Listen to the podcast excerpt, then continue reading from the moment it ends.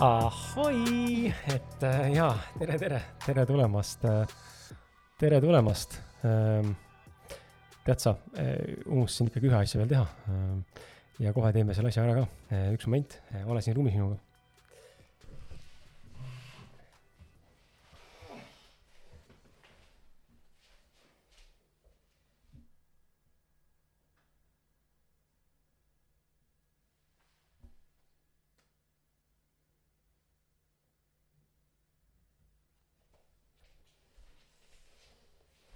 Et äh, nagu ikka, sinu abivajajale saada, kirjuta palun chati, kas heli ja pilt töötab ja kui töötab, siis anname minna. kellel on kõige nobedamad näpud, andke tuld. super. Ähm, ega ma hästi ei näe, aga tundub, et on jah. tundub, et jah, jah, jah, usaldame. vahva, tere tulemast tere tulemast äh, ausad mehed podcasti webinari, korra siiapoole. nii äh,, webinari siis äh, sarja äh, olemisse, mille nimi on siis Kontaktis endaga, täna meil äh, käes webinari äh, sarja viies episood ja, ja teha on veel neli peale tänast. Mm, võib-olla kolm, väike muudatus on toimunud, meie mõttusega webinar jääb ära, aga mul täna avanes äh, võimalus äh, üks inimene asemele tuua, nii et ma kinnitan seda siis siin mm, lähimate päevade jooksul, nii et siis tead, et võib-olla tuleb üks inimene hoopis meeme asemele ja, ja on ka võimalus, et üks jääb ära üldse, nii et äh, sorry, ja samas nii on. aga täna on viies ja külas on mul Anne Laun, kellele kohe ka sõna anname, enne veel kõike lähme muude teemade juurde ja räägime räägime ka natukene siis äh, sellist müügijuttu ja, ja samuti ka seda, mis on oluline, mis puudutab tänast webinari kiirelt äh, järjekuulamised tulevad saadavale alates äh, kuuendast detsembrist, hakkavad äh, kõikide eelduste kohaselt tulema kas siis korraga või ükshaaval iga päev üks episood, vaatan, ma ei taha üle, üle spämmida. Ja võimalik, et ma teen niimoodi, et alates kuuendast hakkavad ilmuma ja siis tulevad iga päev üks episood kõikidesse kanalitesse välja. Nad tulevad Youtube'i, Kris Kala kontole, nad tulevad ausad meeste Facebooki, video, video upload'ina, video on üles laetava. Ja samuti ka siis kõikidesse suurematesse podcast'i platvormidesse, kus me täna esindatud oleme, tuleb ta helis kuulamiseks sulle nii et pane kirja endale, kuues detsember. ja ah,, ja ühtlasi ma omalt poolt äh, teen kõik selleks, et äh, pakkuda siis sulle äh, lisa nagu väärtust sellest, et sa neid kuulad ja siin osaled, et kõikide saadetega tulevad kirjalikud kokkuvõtted.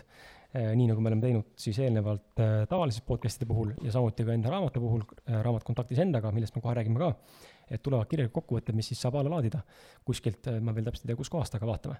et need tulevad kaasa sulle ja chat, seesama chat seal aken Zoomi keskkonnas siin all, kui sa vaatad oma Zoomi tablood, siis seal all on chat, siis sinna klikates saad sa kirjutada to everyone nii-öelda kõigile ja, või siis privaatselt. mulle privaatselt pole mõtet kirjutada, sest et ma läpakas liiga kaugele, et ma lihtsalt, lihtsalt ei ulata. et äh, aga mul on olemas äh, sõber Toomas, kes meid siin äh, rõõmsasti ruumi laseb, sinu tegevist, tegemisi siin jälgib ja kui sa siin pätti teed, siis visatakse välja. Äh, aga, aga, aga Toomas korjab kokku kõik küsimused, mis teil võivad tekkida siin selle webinari jooksul, nii et äh, kell on meie taga. tund aega on meil vestlust Annelaga ja siis tulevad teie küsimused, kui neid teil on. kui ei ole, siis me leiutame ise koha peal või, või siis teemegi nii-öelda, paneme purki ja lähme koju. nii et siis tead, chat on selleks, et küsimusi esitada ja need edastatakse hiljem mulle ja kõige olulisem osa, on ju, kõige olulisem osa on äh, raamat, et äh, nii nagu see webinari sarigi Kontaktis endaga, siis äh, ausa mehe podcast'il on ilmunud, ähm, noh, võib öelda tegelikult täna juba, et on ilmunud. ta pole veel füüsiliselt olemas, tahaks jubedalt näidata sulle, aga ei saa. ta tuleb paar päeva enne jõule või siis nädal enne jõule umbes kuskil sinnakanti, tuleb ta füüsiliselt trükikohast välja ahjusoojana otse poodi. aga kui sa soovid seda ahjusoojana raamatut saada endale otse kingituseks või, või perekonnaliikmele kingituseks või lihtsalt endale osta, siis ähm, oleks mõistlik ja lausa isegi tungivalt soovituslik ja käskiv isegi veits see endale täna tellida, seda saab teha miljon.ee leheküljelt ja ja kui sa lähed äh, miljon.ee leheküljele, siis ole hea, seal on niisugune kategooria rubriik. Äh, Toomas, ole hea, pane siia see chati siia link ka, kui on huvi inimestel vaadata kohe, siis miljon.ee lähed sisse sinna ja seal on kohe olemas raamatupoe äh, navigatsioonimenüü all on siis raamatud ja sealt leiad kontaktis endaga raamatu, mis täna on ainult kolmteist, viisteist ehk siis kolmteist eurot, viisteist senti on hinnaks. ja raamat kontaktis endaga on selline mõnus, mõnus käsiraamat, mis koondab kokku endas neljakümne kuue erineva äh, erineva külalise ähm, mõtted, mõtteterad, head taipamised, kogemused, ebaõnnestumised, õnnestumised, ma ei tea, edud, ebaedud, mis iganes veel. ja, ja ta teeb seda, need kõik külalised on olnud siis esimese saja saate seas meie mm, saates käinud. ja järgmine raamat kõikide eelduste kohaselt äh, tuleb siis nii-öelda järgnemiste äh, alates siis sajanda ühe, ühe, saja ühendast episoodist alates.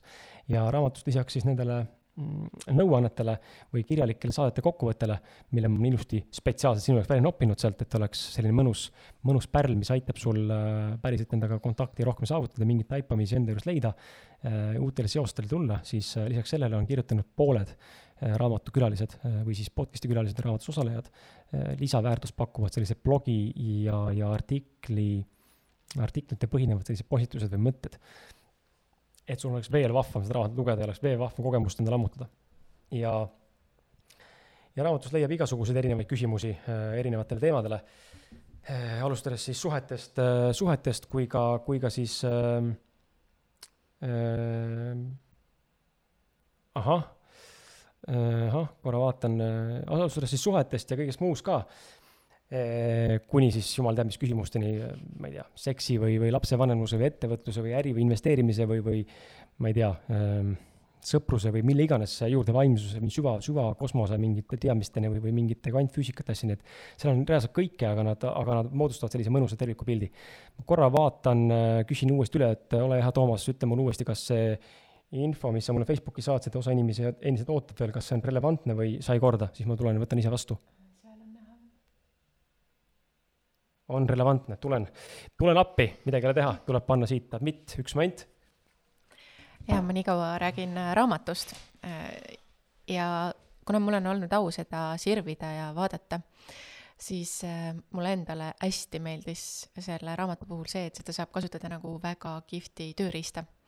just selles mõttes, et kui vahel on mingisugune, ma ei tea, mõte või küsimus üleval, et siis võtta see raamat nii-öelda ette ja raamatu kujul on eriti hea, võtad lihtsalt äh, tunde järgi ühest kohast lahti ja kui lugema hakkad neid mõtteid, mis on seal väga-väga head, inimesed on ju, või Kris on sinna parimad palad nendelt inimestelt kokku kogunud, et siis äh, mul reaalselt ise ühel korral olen äh, leidnud sealt hästi sellise äh, kihvti sellise jätku või tõuke üheks tegevuseks, et äh, selles mõttes väga kihvt tööriist, soovitan väga tugevalt. siinkohal äh, Annel ise on ka raamatus äh, selles mõttes ühe külalisena ja, ja samuti tegelikult ka seda lugenud ja siinkohal võib-olla ongi huvitav tegelikult mainida, et Annel on coach ja teistpidi noh, võime öelda ka nagu mingil määral ma ei tea, mentaalsuse terapeut, eks ole, nii-öelda mingil määral öeldes, et kui selline inimene saab sealt nii-öelda äh, mingeid taipamisi ja midagi kasutada, siis ma arvan, et äh, meil igalühel on sealt midagi võtta, et seal ei ole vahet, mis valdkonnas sa elus täna oled, kus omadega oled, seal on kindlasti mingeid mõtteid, mis sobivad sulle ja on sulle sinu elu etapi juures relevantsed teeme Toomas vahele sulle ka, et teeme, teeme niisuguse diili ka, et kui sul on veel neid relevantsuse probleeme, ehk siis ei saa inimesi vastu võtta ruumi, siis vahepeal kirjuta mulle Messengeri, ma üritan jälgida, eks ma siis mingi kümne minuti tagant käin kogu aeg toksimas ja võtan inimesi vastu, et ei ole mingit probleemi. Eh, lähme saate juurde väike sissejuhatus ja siis juba saab Annela sõna ja, ja teile siin väärtust pakkuda ja, ja siis usinalt kuulake ja nobed näpud tööle, saab küsimusi küsida Anne Laun on ettevõtluscoach, kellel on oma nõustamise ja coaching'u agentuur ettevõtjatele, juhtidele ja ekspertidele. oma töös kasutab ta palju NLP-d ehk neurolingvistilist programmeerimist. NLP on kogum väärtteadmisi, protsesse ja tehnikaid oma mõtlemise juhtimiseks. Annel ütleb, et sinu elu on mõistuse juhtimise tulemus, sest elus toimib kahe seadus. esimest korda luuakse kõik kahe kõrva vahel ja alles siis eh, seejärel reaalsuses. ta usub, et edu saavutamiseks on vaja kooskõlla viia oma mõtted, tunded ja tegevused. kui jätta üks neist tähelepanuta, on teekond teekond soovitud tulemuseni aeglasem ja keerulisem. ühtlasi on Annel aidanud ausad mehed brändi arengule oma ideede soovitustega kaasa ja tegelikult Annela abist sai alguse ausad meeste podcast'i mm, live podcast'ide nii-öelda sari või, või ürituste selline esimesed sammud. ja tänasel webinaril räägime siis Annelaga eneseteadlikkusest, autentsusest, õpitu loobumisest, julgusest eristuda ja käia oma teed, aususest enda vastu ning esikoha, enda esikohale seadmisest siinkohal siis tere. tere. niimoodi viisakalt ka tere. nagu jälle ma trügisin vahele oma jutuga. väga hea, mulle sobib. ja tere kõigile, tore on siin olla. aitäh, Kris, et sa mind siia kutsusid. et kui saan oma mõtteid jagada, siis ja. rõõm on minu. Absoluutselt, vabandust ka teile kodudes, et niimoodi siin korraks ära kaon, et meil on tehnilised anomaaliad, et äh, tundub, et seal on veel inimesi. ja katsume nendega tegeleda, et äh, no nii see, nii on paraku, et äh, tehnika nagu ta on, peaks nagu justkui töötama korrektselt, eks ole, kõik on ette kirjutatud, programmeeritud, salvestatud ja tehtud niimoodi ja siis mingil hetkel tundub, et lihtsalt asjad ei tööta. see on selle tehnilise anomaalia juures väga äge asi. aga me ei pööra selle väga suurt tähelepanu, pole hullu, saame hakkama ma küsin siis, äh, Annela, sinult äh, kohe esimese küsimuse siia ära ja siis ma saan hakata siis tegelema samal ajal äh, praegu jooksvalt tehnilise probleemi lahendamisega, mis on täiesti okei okay,, sest tegelikult tuldigi sind kuulama ja mind vaatama. aga, aga hakkame minna, et aastad on, mina olen aastaid endale korrutanud tegelikult mitte ainult endale, vaid siin podcast'is ka juba aastaid inimestele lihtsalt toidu alla, toidu peale nämmutanud ja, ja karjunud ja teinekord viisakamalt öelnud seda ka, et kontaktis endaga olemise juures on hästi oluline eneseteadlikkus ja eneseteadlikkuseni jõudmine teinekord ei ole üldse lihtne ja võib, isegi kui isegi on lihtne, siis teinekord sellest äh, mingeid suurimaid läbimurdeid teha on äh, raskem ähm, või võib osutuda raskeks, seda nägime ka täna, kui me sinuga siin väikest coach'i sessiooni tegime. kindlasti ma arvan, võime sellest täna siin rääkida natuke mingisuguse nurga alt. ja, ja, ja et ükskõik kui eneseteadlik sa ei ole ka, siis ikkagi aeg-ajalt on keegi või miski, mis oskab sulle anda mingit uut mõtteviisi või mingit uut sihukest nagu taipamisperspektiivi. minu küsimus sulle on see, et ähm, kuidas sina täna eh, eneseteadlikkust mõistad ja, ja mida see sinu jaoks tegelikult eh, noh, sügavamal tasandil tähendab? kui sügaval? ikka väga sügaval tasandil. väga sügaval väga sügaval tasandil hing, hinge tasandil, selles mõttes nagu, et ärme räägi ainult sellest pinnapealsest teemast, vaid päriselt, kuidas endaga kontakti nagu jõuda läbi eneseteadlikkuse. ma äh,, mu kavatsus või taotlus tänase õhtu jooksul on see, et äh, ma püüan võimalikult vähe jagada üldse mingisugust teooriat või ähm, mingisuguseid definitsioone ja ma palun ka tegelikult kuulajatelt selles mõttes nagu avatud äh, meelt kuulata ilma igasuguste siltide ja oma selliste eelnevate teadmisteta, vaid olla lihtsalt avatud. ja jagan seda natukene siis võib-olla sügavamalt, kui ma seda tavaliselt teen. et äh, räägime siis äh, päris, päris asjadest päris sügavalt.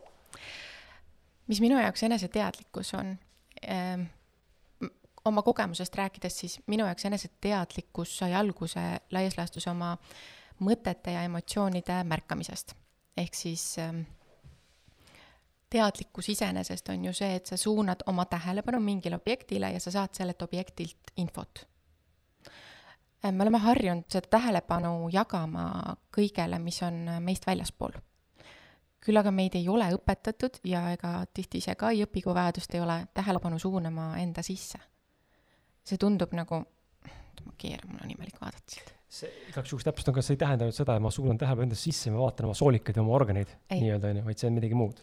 jaa, see on see, et ma suunan tähelepanu oma mõtetele ja oma tunnetele ja tihti öeldaksegi, et okay,, kuidas ma seda teen aga teeme selle saate hästi ja webinari hästi sellise praktilise, on ju, et igaüks, kes äh, parasjagu on sellises kohas äh, kuulamas, kus äh, ta saab näiteks silmad kinni panna, ehk see ei ole autoroolis või liikudes, on ju.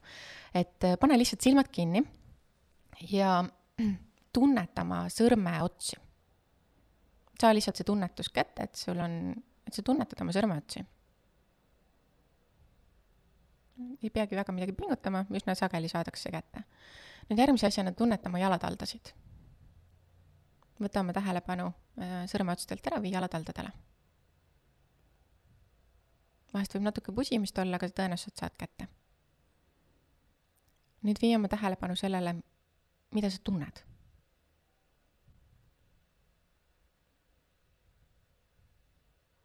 vahel segavad mõtted vahele, aga ilmselgelt midagi sa tunned. mingigi kirjelduse sa oskad sinna anda võid silmad uuesti lahti teha. kas su tähelepanu liikus sõrmeotstele, liikus jalgadele? ehk siis ei mitte midagi keerulist, kõik tegelikult oskavad seda teha. ja täpselt samamoodi eneseteadlikkus on see, et ma suunan tähelepanu sellele, mida ma tunnen, mida ma mõtlen erinevates situatsioonides. kui mingi situatsioon mind ärritab, siis seesama küsimus, miks see mind ärritab, mida ma tunnen? on see, kus sa hakkad lahti arutama seda, et sa ei käitu enam vastavalt automatismile mida, mida me oleme harjunud tegema, vaid sa hakkad märkama, iseendast aru saama ja muutudki järjest teadlikumaks iseendast. et seal ei ole tegelikult midagi keerulist või mingit ulmelist, lihtsalt see on harjumatu. me ei ole harjunud sedapidi tähelepanu liigutama, sest et kõik, mis väljaspool on, tundub nii reaalne, aga see, mis meie enda sees on, need tunded või mõtted, siis tihti me ei ole sellega üldse kontaktis olnud väga väikesest peale, noh, last, lapsed on kõik nende asjadega kontaktis. et aga täiskasvanuna me oleme fokusseeritud väljapoole ja me tegelikult võime suur osa oma täiskasvanu elust ära elada nii, et me ei märkagi väga suures osas, mida me igapäevaselt tunneme või mida me tegelikult mõtleme. me märkame neid suuri äh, nii-öelda selliseid haripunkte, et kas siis ülevalpool või allpool, on ju, kui on üldse üleval või all, on ju. et sellist, kas me märkame sügavat kriisi või me märkame siis seda suurt õnnetunnet või eufooriat või midagi, mis meid tohutult rõõmustab ja siis inimesed elavad tihti nii-öelda ka tegelikult ka nende madalpunktide ja nende äh, tippude nimel, sest et see paneb meid elus tundma, et me oleme nagu elus. aga tegelikult, kui me märkame seda, mida me igapäevaselt äh, tunneme, see ka see, et mu sees on lihtsalt rahulolu või et äh, mu sees on vaikus, see on ka elus olemine ja see saab teistsuguse mõnusama tähenduse. elu üldse Äh, jaa, see on huvitav vastus sinu poolt, et ma ise oleks eneseteadlikkust natuke teistmoodi. väga hea, kuidas sa eneseteadlikkust defineerid? mina, miskil põhjusel minu eneseteadlikkuse arusaamine tahab äh, liikuda just nimelt äh, valikute juurde mm. -hmm. et kui teadlik ma tegelikult olen sellest, kes ma päriselt olen, mida ma tegelikult päriselt südamest või siis hingest või, või kuidas keegi inimene tahab seda mitte mõistusest tulenevalt, vaid kuidas ma nagu päriselt mm, -hmm. mida ma tegelikult soovin ja mida ma tegelikult tahan ja, ja siinkohal enda, enda tundma õppimine ja siin selle eneseteadlikkuse kasvatamine, kes ma olen, ähm, on see, mis on aidanud päris palju navigeerida mul täna enda erinevates tegemistes mm -hmm.. noh, siin, siin äh, erinevad näited, eks ole, kas ma jätan mingi tegevuse pooleli või ma lähen liitun mingisuguse uue inimesega või mingi tiimiga või mingi projektiga, on ju. loomulikult on äh, apsakaid ja loomulikult on hetki, kus äh, see intuitsioon või, või see tunne või mingisugune asi, mis tuleb, see võib eksida. noh, seal võib olla palju sügavaid faktoreid juures. kui sul endal on mingisugune kehvem olukord käes parasjagu, siis loomulikult seal on seda interference'it nii-öelda natuke rohkem. aga, aga ma ise näen jah, et ma pigem nagu defineerin seda eneseteadlikkust läbi valikute mm. -hmm. aga valikute, valikuid sa teed läbi oma mõtete ja tunnete mm? -hmm. absoluutselt ehk siis tegelikult seesama, millest ma rääkisin, on ju, et ma märkan oma tundeid ja mõtteid ja see on sama kõikide valikute alus samamoodi mm. -hmm. et ma märkan, mis tunde see valik minus tekitab mm, -hmm. mis mõtteid ta tekitab. ma lihtsalt ei osanud võib-olla jah, mõtestada seda lahti mm -hmm. selle pealt, et ma, ma küll tunnetan, mis tunne mul on mm, -hmm. aga, aga lahti seletatuna või nagu vastust andes, siis ma hüppasin selle sammu nagu edasi, mul ei ole seda, seda, mis sa praegu andsid inimestele, et see on hea, sa välja tegelikult tõid selle, et et just nimelt see enda, enda nagu tunnete ja mõtete nagu märkamine. sest sellest algab äh, suures osas ma kahtlustan, et lääne inimestel kõik, et me ei, me ei ole sellises, suur osa lääne inimestest ei ole selles seisus, et ma oleksin valmis äh, uskuma ähm,, elades hästi sellises ratsionaalses ühiskonnas, seda, et ma võiksin koheselt saavutada äh, sisemise kontakti, siis nimetame me selleks siis hinge sügavamat olemust, kõrgemat mina, vahet ei ole, kuidas me seda nimetame, aga et äh, ma oleksin valmis hüppama tänasest ratsionaalsest maailmast kohe sellesse hetke, kus ma olen äh, väga tugevas kontaktis nii-öelda oma sellise sügavama olemusega. Et seetõttu on vaja minna selliste step by step sammudega ja mida ma näinud olen ja ka enda pealt kogesin, minu jaoks oli lihtsam alustada selliste väikeste asjade märkamisega. seda, et kuidas ma ennast hetkel tunnen, mida ma mõtlen, sest see on kõikide otsuste alus ja sealt sa õpid tundma et mida ma tegelikult tahan, mida ma päriselt tahan. ja siis toimub üks hetk natukene sügavamale kaevumine, kus sa püüad saavutada siis kontakti selle enda päris olemusega, kes sa siis tegelikult oled, sest me ei ole oma mõtted, me ei ole tegelikult ka oma tunded ja me ei ole ka oma füüsiline keha, et me, kui keegi küsida, et kes sa oled, on ju, siis kõik ütlevad, et see nagu on midagi, mis ei ole keha, mis mm. ei mhm. ole mõtted, mis ei ole tunded, on ju. et see vajab nagu samm-sammulist liikumist, et äh, enda jaoks asi lihtsaks teha jaa, eh, ma olen nõus sinuga. Eh, eneseteadlikkusest rääkides, siis, siis ma näen, siin tuleb kohe järgmine küsimus, mis tegelikult täiustab seda meie, meie tänast või praegust mõtet. et eneseteadlikkusega käib käsikäes nii-öelda see autentsus ja ehedus, millest me eelnevalt ka tegelikult minuga seal või noh, sinuga vesteldes rääkisime sel samal teemal, et kas ma olen nagu ehe või autentne või kui ehe ja kui autentne ja aus ma tegelikult olen ja kes ma tegelikult olen. et äh, ma julgen väita, et äh, ehedus ja, ja autentsus on selles mõttes äh, äärmiselt olulised komponendid nii iseendale äh, kui ka siis inimestele, kes sind jälgivad.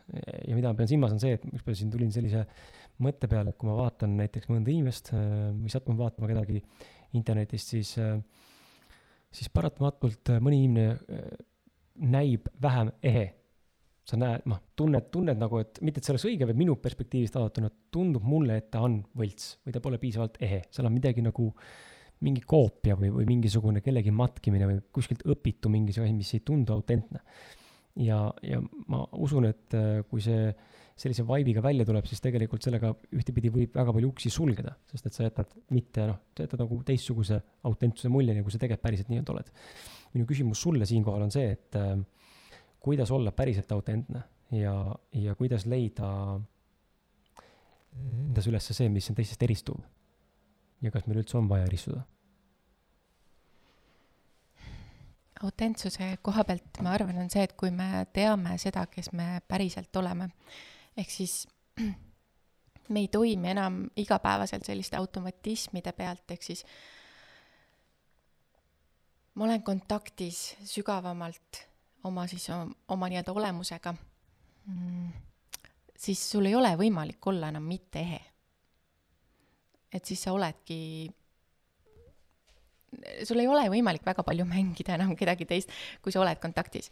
ma arvan, et põhjus, miks inimesed võib-olla mingit rolli või maski mängivad, on see, et me tegelikult ei ole päris selle sügavama poolega kontaktis. ma kirjeldan seda läbi ühe metafoori, mille ma kunagi väga-väga aastaid tagasi sain selliselt Äh, kihvtilt mehelt nagu Paul McKenna, tal on Eestis ka mitmeid raamatuid ilmunud. Ta kirjeldab küll mitte tegelikult ka enda metafoori, ta ütleb, et üks sõber rääkis talle seda, et äh, kui me sünnime, siis me oleme kõik nagu puhtad kristallid. ehedad sellised, et kui te väikest imikut süles olete hoidnud, siis ta on nii puhas, ta on nii siiras, ta on see, kes ta on, ta on täielikult nagu olemises ja kogemises ja täiskasvanuks saades me kogume siis enda ümber sellist nii-öelda, ta nimetab seal niisugust sõnnikukihti, ehk siis sellist äh, mitte seda päris osa meist, ehk siis tekivad erinevad uskumused, erinevad tõekspidamised, erinevad mõttemustrid, harjumused, et tekib sinna ümber selline kiht. ja no tihti seda võib-olla lapsepõlves siis äh, peetakse valeks ka, ma mäletan, ma ikka sain vahepeal ikka õiendada, ma olen laisk, et ei ole piisavalt usin koristamise mõttes, et siis hakkad äh, seda natukene ka pelgama, et neid kihte, mis sinna ümber tekivad. ja et olla siis maailma jaoks äh, vastuvõetav, siis me sinna selle nii-öelda sõnnikukihi ümber tõmbame siis niisuguse küünelakikihi, et äh, jumala eest need asjad, mis me siis kokku korjanud elu jooksul oleme, need välja ei paistaks. et see on see maski koht, et kus sa tegelikult tunned, et inimene päris see ehe ja pähi, päris see siiras ei ole. ja ega sel inimesel endal ka hea olla ei ole aga ta üritab kuidagi sellega hakkama saada. et ainus viis, kuidas ähm, sealt nii-öelda välja saada, on see, et sellest kihist tuleb lihtsalt läbi kaevuda, aga see on niisugune ebameeldiv ja ebamugav töö mm. -hmm. see natukene on vist, äh, läheb ka sellesse auku, mis, äh, mis avastuseni me lõpuks läbi sinu jõudsime, on ju, et Äh, oskad sa seda kuidagi paremini kokku võtta kui mina võib-olla pika jutuga, et ähm, just nagu selle eheduse ja autentsuse najal, et mis on see taipamine, milleni me siis nagu jõudsime, mis on või üks hüpoteesidest, mis võib pidada vett mm.. ja tuua inimeste, et just nagu näidet tuua inimestele mm, -hmm. kuidas see minu puhul omast arust aus ja autentne olemine tegelikult ei ole see, kes ma tegelikult olla tahan mm. -hmm.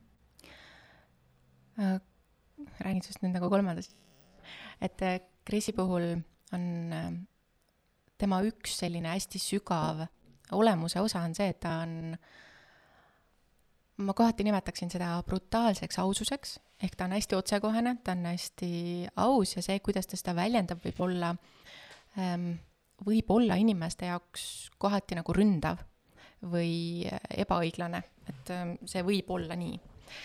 ja tõenäoliselt paar elukogemust on seda siis justkui nagu ka tegelikult ka mitte seda äh, konkreetset elementi, aga paar elukogemust on, mis on pannud kahtlema selles, et kas see, kes sa päriselt oled, on ikkagi nagu okei okay.. ja see teeb seda, et me mingi osa, mis on tegelikult autentne meie osa, lükkame selle kõrvale. Sest et tundub, et teiste jaoks ei ole okei okay, või siis mm, me saame mõne elukogemuse, kus me tunneme, et noh, tahtsin ju parimat ja ma olin endas kindel, aga need asjad ei läinud nii, et äkki see osa on vale. ja siis me tõstame selle osa endast kõrvale ja tegelikult ülejäänud elu laias laastus otsime siis seda osa taga. ehk äh, see on see koht, kus me muutume mitteautentseks, ehk me lükkame mingi osa kõrvale ja siis hakkame mängima mingit rolli, kes me tegelikult ei ole. Et äh, minu puhul on ka seesama äh, koht olnud, ehk siis ma olen olnud äh, eriti väikesest ja noorest peale hästi selline tubli ja viieline ja hästi korrektne ja lööb kulpi ja täidab käsku, mis on iseenesest nagu fine, on ju. aga ega see ei ole ka olnud minu päris äh, olemus, jah, mus on see osa nii suur, aga kuna ma nägin, et see inimestele sobib, siis seda rohkem ma seda osa võib-olla siis ka välja tõin ja see tegi mind ka minu enda jaoks mitte autentseks. et äh, tasub märgata jah, neid kohti ähm, mis tegelikult tunduvad, et ma ju olen päriselt selline, noh. et äh, see on, see on minu osa.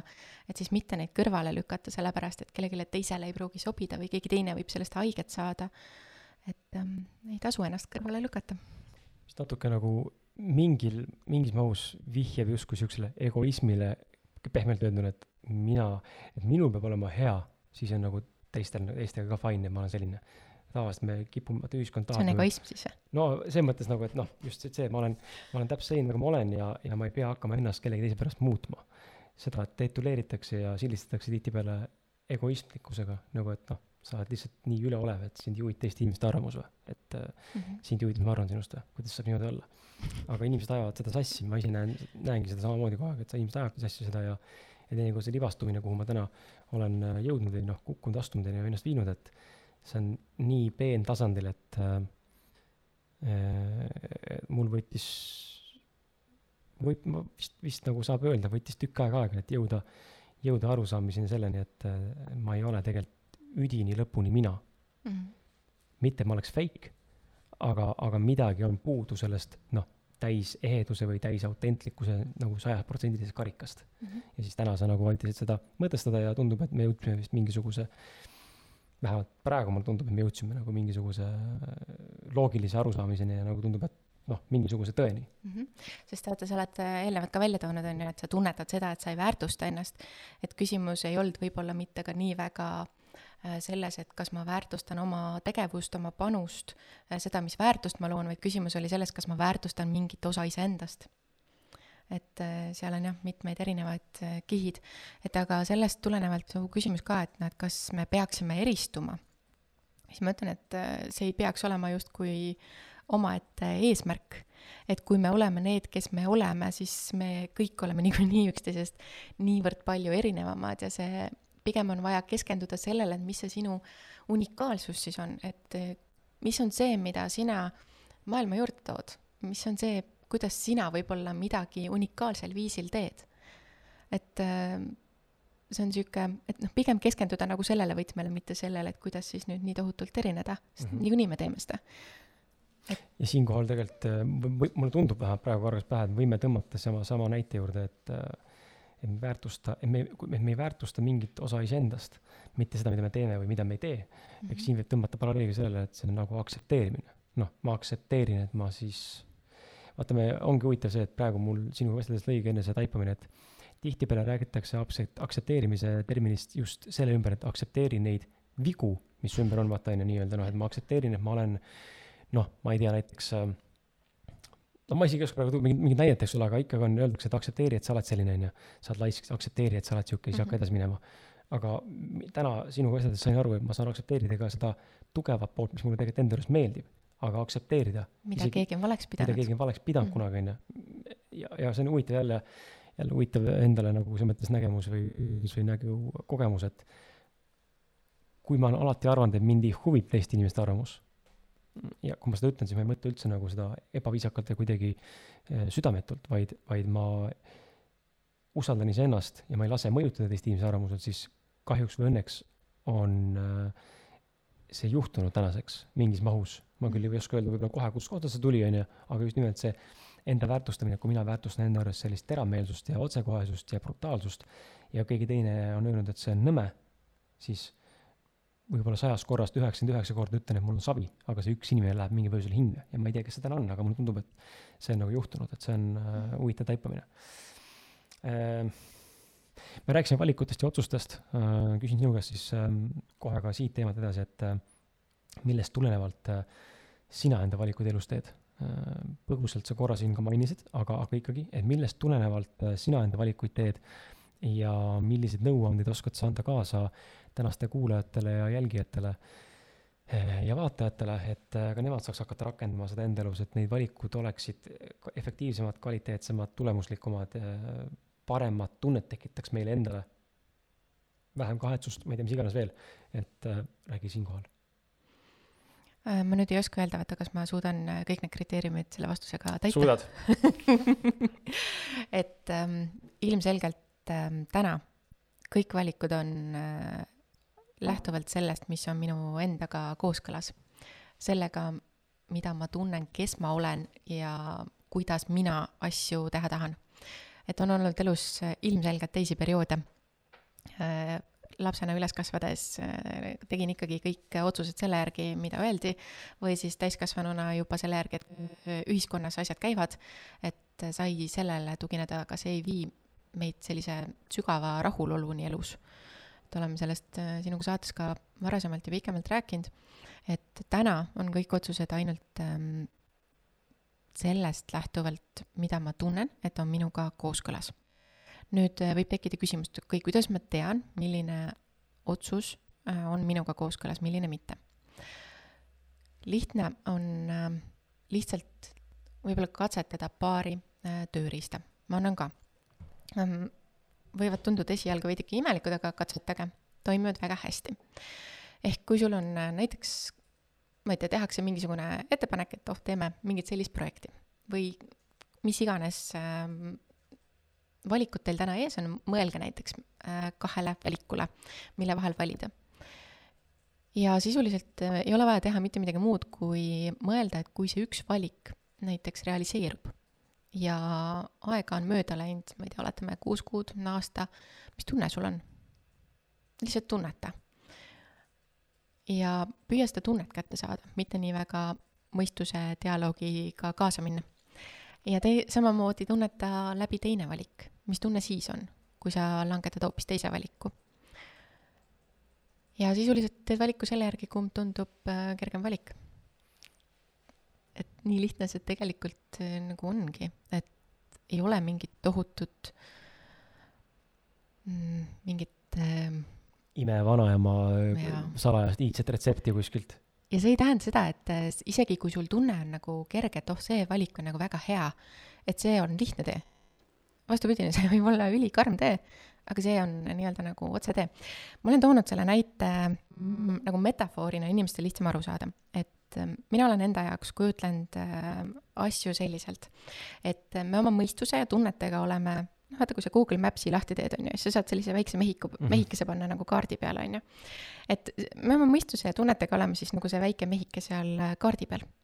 ja sisuliselt siis see nii-öelda nagu sügavam osa meist on justkui nagu see välja zoom itud mm -hmm. Google'i vaade, on ju ja siis me oma mõistusega mõtleme, et okei okay,, et me oleme hetkel äh, minu kontoris Lille tänaval, on ju, et tahame minna siit näiteks kesklinna.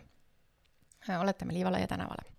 nii, siis sa oma mõtled, mõtetega ja tunnetega mõtled, et oh, ma ei tea, et lähen siit uksest välja ja noh, ma ei tea, keeran paremale ja siis võib-olla keeran veel paremale ja siis ma niimoodi lähen, on ju, et vastavalt sellele, mis parasjagu mul ees on, et ma teen need valikud selle järgi. vastupidiselt siis sellele, et kui me teeme koostööd laias laastus oma sügavama osaga endast, ehk siis tal on kogu aeg su-, välja suumitud vaade. Sest tema annab sulle kogu aeg teada, et kuule, vau-vau, et äh, siin on ummik, ole hea, vali see tänav. mõistus hakkab sul vastu plõksima, et oota, mis asja, et see on, läheb jumala mm -hmm. võssa, on ju, et miks ma selle järgi minema pean. aga tal on välja suumitud vaade. ja see tähendab seda, et see tee ei pruugi olla raskem, aga see võib-olla on kõige kiirem või kõige efektiivsem või õpetab sind kõige rohkem.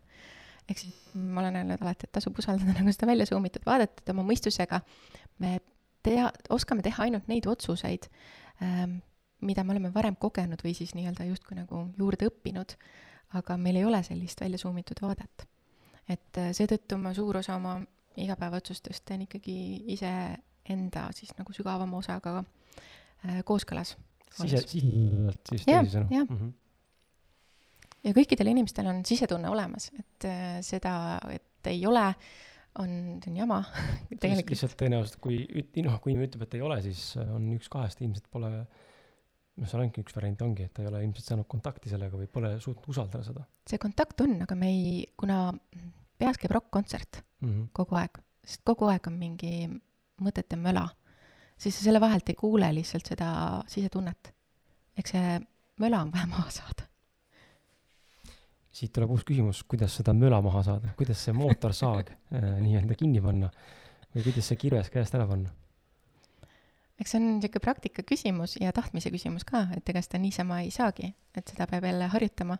ja noh, esimene asi, mida selleks teha on, on see, et äh, tähelepanu väljaspool toimuvalt ära võtta. ehk ähm, suur osa inimestest on täna kas telefonis, arvutis, telekas, lahutamas oma meelt äh, kuskil väljaspool mingite tegevustega, et äh, me ei võta seda aega, et äh, vaadata, mis meie mõtetes või tunnetes toimub ja mida me tegelikult tahame ja kuhu me minna tahame ja me ei võta seda aega. ehk siis tähelepanu tuleb väljaspoolt ära võtta suunata endale. aitab mitmeid asju mm,.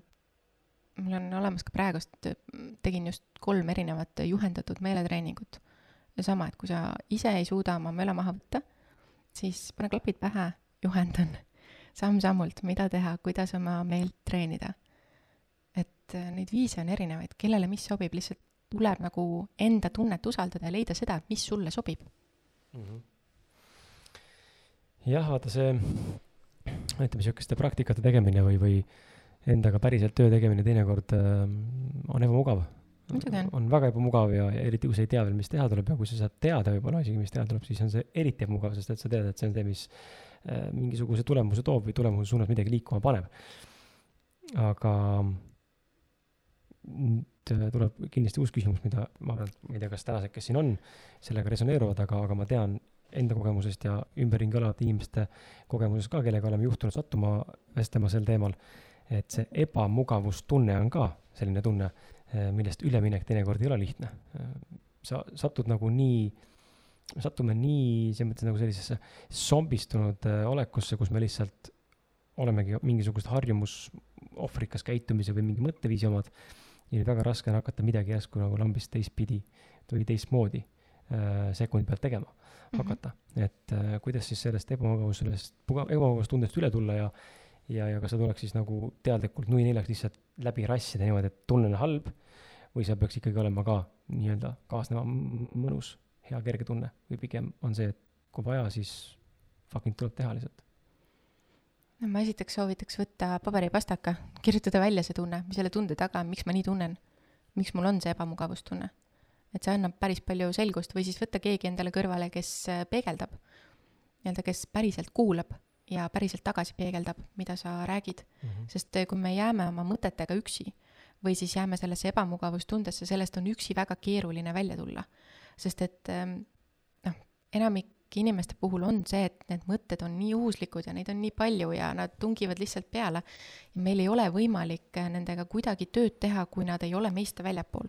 üks asi on see, et sa nad räägid välja ja sa saad selle tagasipeegelduse, sa saad natukenegi analüüsida seda või siis sa paned need mõtted paberi peale ja siis sa saad ise kõrvaltvaatlejana natukene analüüsida, mis toimub. et senikaua, kui nad lihtsalt meie peas käivad ja ketravad, siis ongi keeruline. eriti veel, kui meel on niisugune rahutu Läheks sinuga sellise huvitava teema juurde, millest äh, taaskord jälle palju räägitakse ja, ja ei saa üle ega ümber, aga väga mitte, mitmeti mõistetakse, on kirg.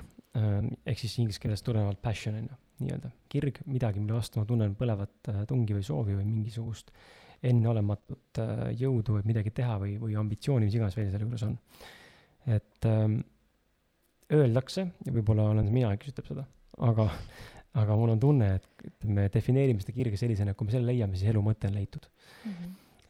me oleme teinud sellest nagu mingisuguse hästi sellise eepilise asja ja hästi suure mingisuguse kolossaalse mõtte ja, ja termini ja, ja nüüd me nagu ilgelt otsime seda kas alateadlikult või teadlikult ja, ja loodame, iga rakuga loodame, et me jõuame selleni, et lõpuks leian midagi, mida ma olen tulnud siia tegema. ja, ja minu küsimus sulle on see, et äh, kas kas see, mis on, mis on sinu jaoks üldse elu mõte ja, ja kuidas, kuidas kirg sellesse pilti sobitub või sellesse võrrandisse sobitub ja kas üldse on mingi seos? no ma võib-olla võtan natukene selles mõttes sellist äh, illusioone ja tulesid ja vilesid maha sealt selle kire juurest. et äh, ma arvan, et see kirg ei ole nüüd nii tohutult, äh, tohutu põlemine ja selline eufooria. et kui me võtame seda, et see kirg on millegi tegemine, mis, et kui me seda teeme, siis aeg kaob ära. et sa ei märka, et aa, nii palju on aega mööda läinud või. et see on juba kirg. see on juba see, et sa teed midagi, mis on sinu endaga kooskõlas ja mida sa tegelikult siia tegema oled tulnud. ja mida sa naudid. ja mida sa naudid mm -hmm. ilmselgelt, sest kui aeg kaob ja kui sa ei märka seda, siis see on see, mida sa siia tegema oled tulnud. et kui me võtame sealt tagant ära selle äh, tohutu surve, et see peab nüüd olema mingi tohutu tunne ja nüüd ma elu lõpuni purjetan selle tundega. et no siis märka seda mõnusat kitsemist või millegi mm -hmm. elluviimist, mis meil tegelikult äh, kirg on, on ju. et kuidas see elu mõttega võib-olla sobitub, noh, laias laastus ma usun täna, et me kõik tuleme siia füüsilisse ellu esiteks kogema, nautima, õppima, arenema ja jagama, aga samas ka siis seda nii-öelda enda unikaalsust, ehk me teeme kõik midagi unikaalsel viisil. selleks võib olla see, et ma teen sööki lihtsalt kuidagi intuitsiooni pealt ja hoopis teistmoodi või ma olen lihtsalt, ma nii armastan koristada ja ma olen nii põhjalik selles. see ei tähenda seda, et sa pead koristajaks minema, see tähendab seda, et see põhjalikkus sinus on mingi sihuke unikaalsus, mis tuleb koristamisega välja, nüüd küsimus on see, et kas ma kuidagi teistmoodi saan seda põhjalikkust või seda süsteemsust ka muudes asjades välja tuua. et see, see ei ole midagi sellist noh, et mul on, jah, on inimesi kellel on tohutu hea, ma ei tea, lauluhääl ja oskavad laulda või, või on mingi selline hästi eriline anne.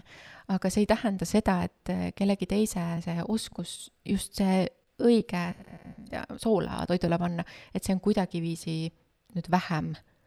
et see on samamoodi unikaalsus, see on tema viis nii-öelda enda sellist olemust väljendada. et ma usun, et me kõik tegelikult igapäevaselt seda vähemal või suuremal määral teeme, me lihtsalt ei märka seda. sest eh, kuidagi ongi see, et igapäevarütmis ja me ei näe neid, neid oma erilisusi, sest sellega on üks konks veel. see konks on tihti see, et see meie jaoks tundub nii elementaarne. mäletan enda elust ühte sellist seika, kus ma aitasin koolitusi korraldada äh, päris pikalt, erinevaid seminare ja ja mitmepäevaseid üritusi ja üks hetk üks koolitaja tuleb minu juurde ja niisugune natukene ärritunud, et Annele, kuule, mis toimub, on ju. ma, et, et, mis siis toimuma peaks.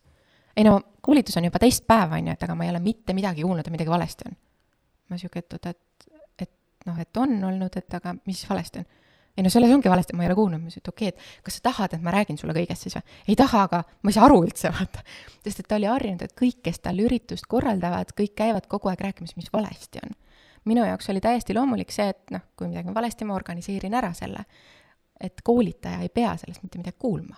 no see oligi ju minu ülesanne. ehk, ja see hetk oli see, kus mina sain aru, et aa, okei okay,, et kõik et seal oli see minu unikaalsus teha asju natukene nagu teistmoodi. ja aitab see, kui küsida oma lähedaste või sõprade, tunnevad et kuule, mis on see, et mida sa märkad, et ma teistmoodi teen või et mida sa minus imetled või, või et noh, mis on mingi tegevus, mille puhul sa ütled, et vau, et kuule, selles sa oled küll päris hea. et tasub märgata seda, sest me ise ei näe seda, sest see tundub nii elementaarne. selle kirjaga tuleb mul, mul oli täna äh, podcast ühe naisterahvaga, kelle saade tuleb meil varsti välja ka, selle reede, kui ma ei eksi vist ehm siis ta ütles, äh, jõudsime nagu vestluse käigus ühe raamatuni äh, ja sealt raamatust siis, äh, mida ma olen nagu eelnevalt tahtnud lugeda, aga pole suutnud nagu alustada kuidagi, pole kõnetanud. nüüd täna võib-olla rohkem kõnetab ka. aga jõudsime selline samamoodi kireteemani ja siis seal raamatu autor siis, üks välismaalane, üks naine, siis seletab ära selle, et kirg ei ole alati see, üldiselt ei olegi see, mis on justkui nagu kaasasündinud, et me noh, nüüd tulen siia ilma ja nüüd ma tean, et minu kirg on, ma ei tea, kirjutamine või podcast või sul on coach imine, kirg on ju, et, et see ei ole päris niimoodi äh,. aga raamatus ta püstitab siis hüpoteesi või sellise nagu mõttejada just nagu läbi selle prisma, et sa hakkad midagi tegema ja siis sellest saab kirg. ehk siis sa näed, et sa oled milleski pädev, sa oskad midagi väga hästi teha, see tuleb sul hästi välja ja sellest tekib selline nauditav nagu kireprotsess mm. -hmm. Et see etapp on nagu teine, kuigi mulle tundub, et ühiskonnana me otsime just seda, et tekiks nüüd see tunneks ära nüüd selle kire, siis ma panustan, vaata. siis ma hakkan tegema. siis ma hakkan tegema. et aga tegelikult on see, et see tuleb selle jooksul, et ma podcast'iga on ehe näide, et äh, ma ei oleks eales osanud arvatagi, kui ma tegin seal Youtube videos, üritasin teha ja olid totaalselt nagu noh, selles mõttes nagu totaalselt okse ehm,. siis äh, ei osanud seal unistada ega mõeldagi sellest, et ma hakkan äh, oma häälega tegema mingeid äh, saateid äh,, kas siis video või helipildis. Ja, ja selle tegemise käigus täna kaks pool aastat hiljem äh, ma saan öelda ja julgen tunnistada, et sellest on kasvanud jälle kirg. Ehm, nii et ehm, ma soovitan ka siin kuulajal või vaatajal nagu mõtiskleda seda kirjateemat ka natuke teistsuguse nurga alt. ja julgeda katsetada. jaa. proovida erinevaid asju. mind hämmastab vahest, inimesed ütlevad, et ei, see mulle ei meeldi. ma küsin, kas sa oled proovinud? ei. aga kuidas sa siis tead, et sulle ei meeldi? no onu rääkis. nagu ma tean, et mulle see ei meeldi et, et tasub katsetada. see, kui palju mina elus erinevaid asju proovinud olen, et see on täiesti kosmos, aga see ongi see, et tänu sellele sa leiad need asjad, mis on sinu omad, mis tekitavad kirge ja, ja mis panevad su niimoodi silmad särama ja põnevilist sellest rääkima. aga see on, see paneb ikkagi, ikkagi tekib ka see, see küsimus juurde, et okei okay,, aga kui ma tunnen, et see asi ei meeldi mulle nagu kui ma, kui minu, oletame, et hüpoteetiliselt jõuan sellesse staadiumisse, kus ma tunnen, et eneseteadlikkus ja kontakt endaga on nii suur, et ilma proovimata ma saan sulle öelda, et mulle. siis, siis see on ka võimalik tegelikult. absoluutselt, jaa mm. -hmm. et see puudutab lihtsalt selliseid kohti, kus ähm, nagu katsetada asju võib-olla natukene ka erinevate nurkade alt. Et ähm, mul on olnud mitme kliendiga sellised, kus nad ütlevad ei, ei, et noh, et nad, et ma teen neid asju nii, ma ütlesin, et okei okay,, aga kuna sa praegust enam nii teha ei saa et kas on võimalik, et sa sarnast asja võid teha teise nurga alt hoopis? ei saa. okei okay,, aga kas sa prooviksid? ja tegelikult nad on kõik tagasi tulnud ja öelnud, et täitsa lõpp, ma ei uskunud, et mulle nii ka meeldib. et noh, mis iganes, et on see võib-olla mingisugune äh, liikumine või mingi asja tegemine teistmoodi, et tasub katsetada ja proovida mm. -hmm. Siin äh, võtan äh, vahepeal ühe küsimuse sisse, sest et ma korra viik-, kiikasin siia. see on, see on hea küsimus. Ehm, ma ei tea, kes see selle saatis, ma nime, nime ei ole mulle Toomas kaasa pannud, aga, aga see on selles mõttes hea küsimus, et me rääkisime sellest brutaalsusest. ja siin on nüüd selgelt näha ja mul on hea meel, aitäh sulle, siin on selgelt näha, et äh, kedagi käivitas see, heas, heas, heas mõttes käivitas. küsimus on ähm,, ah Rain, tšau Rain, väga hea, Rain on meil sihuke provotseerija, ta on tegelikult hästi tore inimene, tutvusin temaga äh, Sharma koolitusel juhuslikult, et Rain on äge, äge vend. aga see küsimus on hea, et äh, küsimus siis aususe ja autentsuse puhul, et äh, kas see annab õiguse brutaalseks sõnadega lahmimiseks kuni füüsilise vägivallani välja. Lihtsalt sellepärast, et ma seesmiselt tunnen end selline olevat, on Raini küsimus. Mina vastaksin selle asjale niimoodi, et ma muidugi ei pruugi vastust sellele küsimusele teada ja võib-olla ei olegi ühte vastust sellele küsimusele, aga kuidas mina seda asja näen, on see, et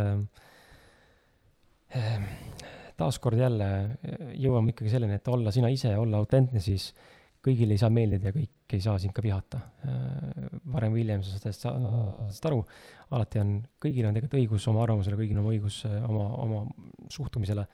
kui mõnele inimesele ei meeldi see brutaalsus või, või näiteks, ma ei tea, vägivald või äh, olgu ta füüsiline mittefüüsiline, et äh, me ei pea sellega nii-öelda engage ima. tänase näite puhul on see, kui inimesele ei meeldi meie vestlus siin või, või ei meeldi minu maneer või, või tei-, teinekord ei meeldi külaline, kus ma käin või mõne koolituse, kus ma osalen, ma saan alati ära minna mm. -hmm. ma ei pea hakkama äh, kedagi teist sellepärast muutma, et mulle ei meeldi, vaid ma lihtsalt ise otsustan mitte selles osaleda, mitte sellesse panustada äh,.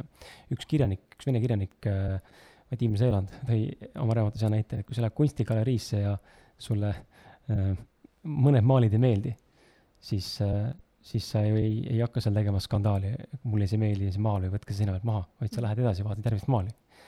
Ehm, et see on nagu minu nagu see koht, et äh, ma mõistan küsimust äh, selle koha pealt, et kui sügavale saame minna selle brutaalsusega, noh, füüsiline vägivald loomulikult mitte, on ju, et see, seal nagu tekib juba see õigustuse küsimus või nagu siinkohal on parem vastata, et mida see, mida see nagu, kuidas, kuidas sellele nagu vastus anda siis?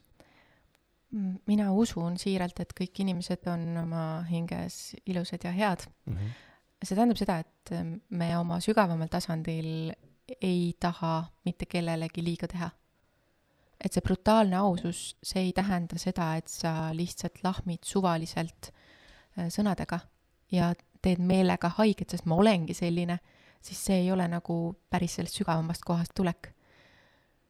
meil vist on kaameraga mingi teema see vist ei tööta. aa, jäi kinni või? no vaatame, sa võid jätkata siis äh, vaatame, mis juhtus. jah, et ähm, see ei tähenda jah seda, et me teeme kellelegi haigi, et kui me oleme päriselt oma mm, iseendaga kontaktis, siis ähm, see ei või, see võib olla, et see ei sobi kellelegi, kuid see ei tähenda seda, et äh, me liiga teeme. see ei tähenda ka seda, et inimesed ei pruugi haiget saada, sest et ähm, ma olen oma klientidele ka öelnud, et ma olen küll sihuke, võib-olla oma olemuselt sihuke pehmem, aga äh, coaching ruumis ma olen väga aus ja see tuleb alati kõigest armastusest äh, inimeste vastu ja nende, selle vastu, et neid aidata just edasiliikumise mõttes. aga see, mida nad seal kuulevad, ei ole vahest kõige kergem. ja see ongi vahest brutaalselt aus. aga see on alati nagu nii-öelda väga cheesy öelda, aga niisuguseks kõrgemaks hüvanguks mm. -hmm. mul tuleb selle, sellise, ütleme nagu mm, brutaalsuse ja võib-olla ka vägivallaga tuleb kuskilt selline näide pähe, ma ei mäleta, kellega me rääkisime sellest, aga eh, et ka inimene, kes eh, teinekord eh, tapab näiteks, siis ta ei pruugi ilmtingimata, või noh, tapmine on võib-olla kole näide, ütleme, peksab näiteks oma naist või on mehe vastu vägivaldne või terroriseerib kuidagi siis see ei tähenda seda, et ta halba tahab, vaid ta ei oska teistmoodi. see on see, kuidas ta on, kuidas on tema normaalne. ta on õppinud võib-olla sellises keskkonnas üles kasvanud, ta on sellist kogemust näinud, see on tema normaalne maailm, et näiteks naisi võib vägistada või meest võib peksta või last võib lüüa. mis ei tähenda, et tuleb halvast kohast, lihtsalt ta ei oska teistmoodi ennast väljendada või endaga toime tulla. mind pani see tugevalt mõtlema ka selle peale see, kui ma vaatasin filmi Jokker, soovitan kõigile vaadata. Äh, äh, mis näitleja see on, see, äh, issand, ei mäleta, ei tule nimi meelde, aga, aga aga Jokker, eelmise aasta film, et seal, kui mina arvasin Jokkerist kui, kui eelmid, eelmistest filmidest ja komiksitest, et ta on üks kuritegelane, kes tahabki inimesi tappa ja on äh, nii-öelda nagu terrorist, siis see film näitas väga tugevalt seda, kuidas mul tekkis samastumine inimesega, kes hakkas inimesi lõpuks tapma. ja ma nagu mitte ei tundnud talle kaasa, seda ka kindlasti, aga nagu, kuidas öelda, cheer isin või nagu hõikasin kaasa, et kurat, õige tegu ja mitte seepärast, et ma mingi sadomasohhist oleksin või mingi terrorist oleksin, aga ma mõistsin seda valu, mis ta sees oli, mida see film tegelikult näitas, kuidas ühiskond või tema enda maailm talle peegeldas vastu seda ebaõnnestumist ja valu ja hukkamõistu ja loomulikult ta natuke oli ka natuke sihuke teistsugune inimene oma olemuselt mm. -hmm. oligi peast võib-olla natukene nii-öelda uhuu veidi äh, võrreldes. aga, aga see, tal ei olnud ka teistsugust varianti sellega toime tulla. ta, sellega ta õigustas ja nagu kehtestas ennast selles maailmas ja ma kuidagi palju paremini mõistsin seda, seda inimest pärast. ja tekkis sihuke tunne, et kurat, jumala äge vend see Jokker. nagu jah, nagu tappis, eks ole, ma saan aru, ei ole, ei ole ilus, aga ma päriselt sain tast aru. et see oli küll minu jaoks meistriteos, kuidas nagu näidati ära sulle, kuidas on võimalik nii-öelda siis jah, mõrvarit paremini mõista. sellist mõistmist on võimalik saavutada kõikjal mitte see, et sa aktsepteerid ja heaks kiidad kõikide käitumist, küll aga on võimalik nagu mõista. et sama, et kui keegi tuleb ja su peale ennast nii-öelda nagu välja elab, et siis võib olla ka tunne ja soov, on ju, öelda, et kuule, mine ela oma elu, on ju, mida sa minu peal seda välja elad. aga samas, äh, kui mõista, et selle väljaelamise taga üsna sageli on inimesel sees väga valus, siis on võimalik ka see väljaelamine vastu võtta kõige sügavamas mõistmises mm. -hmm ja see on väga võimas koht, kui inimesed suudaksid äh, rohkem nagu sellises seisus olla, aga see tähendab seda, et sa oled iseendaga väga heas kontaktis ja see ei trigerda sind kuidagiviisi. et ka see, kui keegi, ma ei tea, ropendab või äh, midagi äh, brutaalselt ausalt välja ütleb, on ju, et mõista seda, et see, et noh, seda tausta, seda inimest sügavamalt jätta kõrvale nii-öelda need tuled ja viled ja see annab sellise endale ka hästi suure vabaduse, sa ei võta asju isiklikult see on hea koht võib-olla, kus nagu mulle meeldib see lause, et äh, maailm on su peegel, on ju, et siin on hea koht öelda, kui sind häirib näiteks brutaalsus või, või noh, mis iganes näide see on kellegi puhul, siis järelikult see on sinus olemas. Muidu sa lihtsalt ei näeks seda. et kui mina oma ropendamisega hakkan siin ropendama ja sulle see üldse ei meeldi, siis järelikult midagi on selles, mis sind käivitab, midagi on selle juures, mis, mis, sul on mingi teema järelikult sellega. et siin on nagu hea nagu mingil määral see, mulle meeldib see maailma peegel, maailma peegelduse termin, sest sa saad nagu vastutuse ära anda, vaata, et kedagi käi perse, on ju, siis oota, sa solvasid mind või? ei, see on sinu maailma peegeldus. Ma peegeldasin praegu, ei noh, sulle iseennast onju, et saatsin sulle kohe pekki onju. et see on naljakas, aga samal ajal tegelikult töötab selliselt ka mingil määral. aga ma olen nagu nõus siinkohal ka, et kui ma teraapias eh, enda perekonna mingit sihukest suuremat pilti nagu nägin ja, ja tuumustreid, siis ma mõistsin, hakkasin mõistma palju paremini enda ema ja isa näiteks, ma nägin ära selle, miks nad selliselt käituvad et kui sinnamaani oli segadus ja, ja pigem nagu süüdistamine, enda õigustamine, siis ma nägin seda suuremat pilti ja ma mõistsin, miks ta selliselt käitub, miks ta minusse selliselt suhtub. Ja, ja tekkiski just see, millest sa rääkisid, et, et ma suutsin nagu näha seda inimest, tema läbi tema kogemuse, miks ta niimoodi reageerib mingitele asjadele. et see annab väga palju juurde eh, teiste inimeste suheldes, aga seda ei ole lihtne teha alati ei ole jah, sest eks me lihtsalt, lihtsam on nagu väljapoole näpuga näidata ja öelda, et nemad on süüdi, on ju. et nemad käitusid nõmedalt, et aga iseendaga kontaktis olles vaata on ka see, et sa üks hetk nagu ei saa seda näppu enam väljapoole suunata, sest et sa tead, et seal väljapool ei ole mitte midagi muud kui see, mis on su sees, on ju. ja kui väljaspoolt midagi teeb haiget, siis ei saa seda lahendama minna ainult nii-öelda väljaspoole oma õigust nõudma, vaid äh, vaadata, et okei okay,, miks see mulle haiget teeb. võtta see vastutus, sest et see vastutuse võtmise koht ongi kõige raskem nagu kui ma olen harjunud terve elu ütlema, et ma ei tea, ema-isa on süüdi selles, et mu elu on selline olnud või ma ei tea, Eesti riik on süüdi, on ju, noh, kuidas ma siis üks hetk võtan selle vastutuse, et okei okay,, et aga mis see minu roll siin selles asjas on? Kuidas mina selle kannatuse, mida ma hetkel elus tunnen, kuidas mina selle loonud olen enda ellu? sest et okei okay,, välistingimused, olgu millised välistingimused tahes, aga see, mida me sellest välistingimustest enda jaoks välja võlume, millist elu me läbi nende välistingimuste elame, meie enda teha, enda vastutus ja see on paganama keeruline vastu võtta. Äh, nõus um,. Tund on äh, juba täis saanud. Äh, et ole hea, kui sul on küsimusi, siis viska need ole hea chati siia, ma võtan ise paar küsimust ja. ma annaks ühe, ühe praktika veel, mida, kuidas küsimusi enda käest või vastuseid enda käest saada. tahad kohandada? okei okay,, teeme mm ma olen kutsunud selle, seda selliseks asjaks nagu kehapendliks, et kõik, kes taaskord ei ole autoroolis ja saavad silmi sulgeda, võivad kaasa teha. Hästi lihtne, istu lihtsalt sirge seljaga, nii et sa ei oleks, et sa ei toeta oma selga kuskile, et su selg saab, keha saab vabalt nagu liikuda, on ju. pane silmad kinni ja korda endale mõttes lihtsalt jah, jah, jah ja lase oma keha vabaks, lase oma keha liikuma nii, nagu keha hetkel liikuda tahab. lihtsalt korruta mõttes jah, jah, jah ja vaata, kus suunas keha liigub nii, siis tule justkui nagu keskkohta uuesti tagasi, korruta mõttes ei, ei, ei. vaata, kus suunas keha nüüd liigub. Lihtsalt luba kehal liikuda, usalda. tule uuesti keskele tagasi. ja kui sa nüüd tahad mingisugust vastust enda käest teada, said suunata, tundsid, et liiguvad kehad? ma ei teinud praegu kaasa seda. anna mulle andeks. okei okay., no võite kirjutada meile chati, kas toimis, kas te saite kätte, enamik inimesi tegelikult saab seal kohe kätte et see tunnetus tekib, see, et kus kohas on su, kus kohas su keha vastab jah, kus kohas vastab su keha ei. et seal on täitsa erinev liikumine sees ja erinevatel inimestel on täiesti erinevad. Ja selliselt saab enda käest nii-öelda sügavamast siis kohast enda käest vastuseid küsida, aga soovitan seda küsimust esitada alati nii, et äh, kõigepealt, äh, kellele see suunatud on, ehk siis mina, sest muidu võivad vastata ka teised, kes nii-öelda liinile satuvad mm. -hmm ehk siis mina ja küsidki kas-küsimust, et äh, näiteks mina, kas see valik, mis mu ees hetkel on, kas see on minu jaoks mõistlik? ja lubada oma kehal liikuda nii, nagu su keha liigub.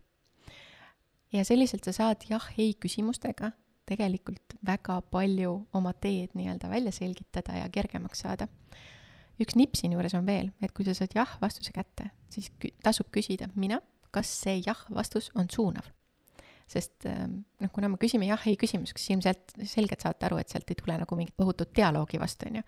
et siis äh, vahel on see, et ähm, see vastus on jah, aga sealjuures on veel mingeid detaile. Et siis tasub nagu erinevate küsimustega seda vastust täpsustada mm. -hmm. ja sisuliselt ähm, ma alustasin väga tugevalt sellist küsimuste küsimist kaks aastat tagasi tänaseks sisuliselt noh, ma ei jõua küsimust küsidagi, kui mul juba on vastus käes ja ma soovitan kasutada seda nagu igapäevases praktikas, see on täitsa müstika. kuidas sa saad teha oma igapäevaelu nagu nii palju lihtsamaks.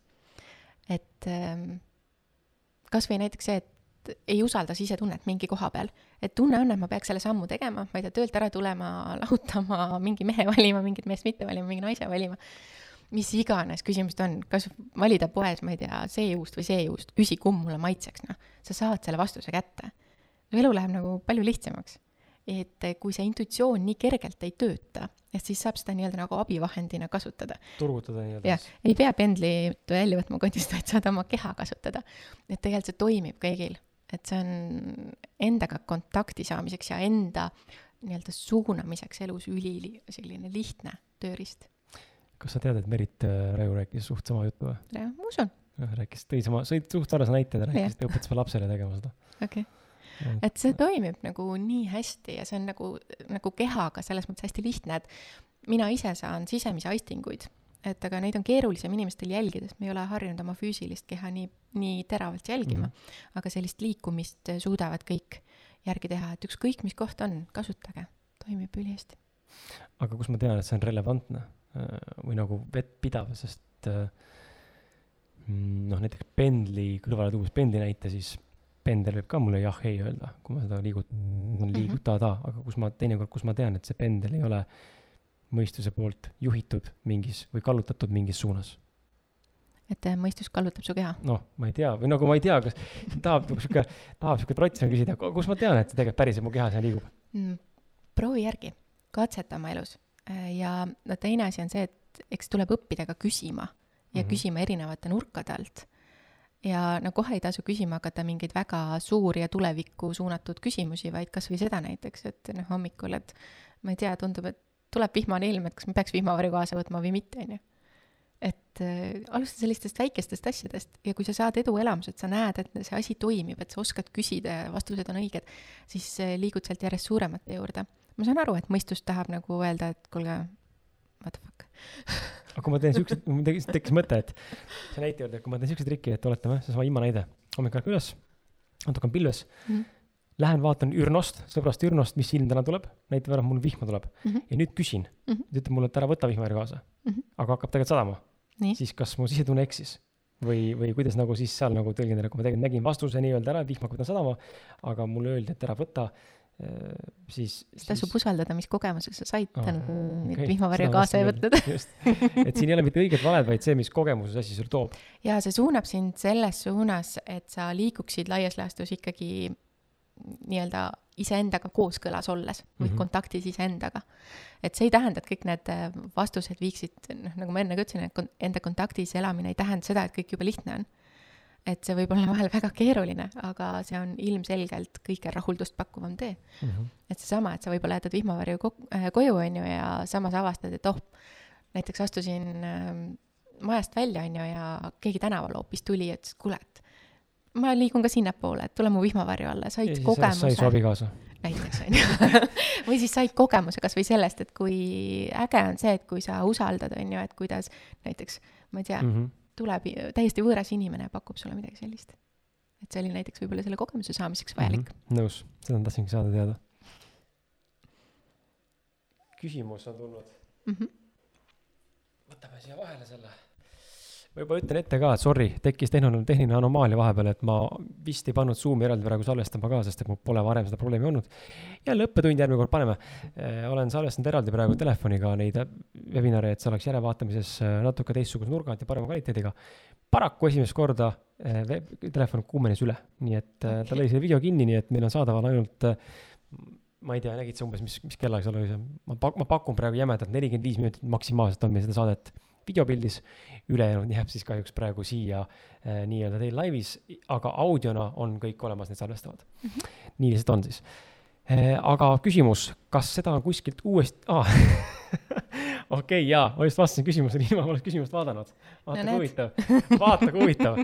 ma ei vaadanud küsimust ja sa küsisid just sama asja, okei okay.. intuitsioon tuli, onju, ja tegi oma töö. väga huvitav, ausalt, see oli mm -hmm. väga, väga huvitav kogemus. ma ei, absoluutselt ei vaadanud ja vastasin küsimusele, väga huvitav natuke isegi häiriv aga okei okay., okei okay,, lähme edasi siis, et äh, äh, ma küsin siis niimoodi, et miks on äh,, miks on teinekord nii raske eristuda ja käia oma teed?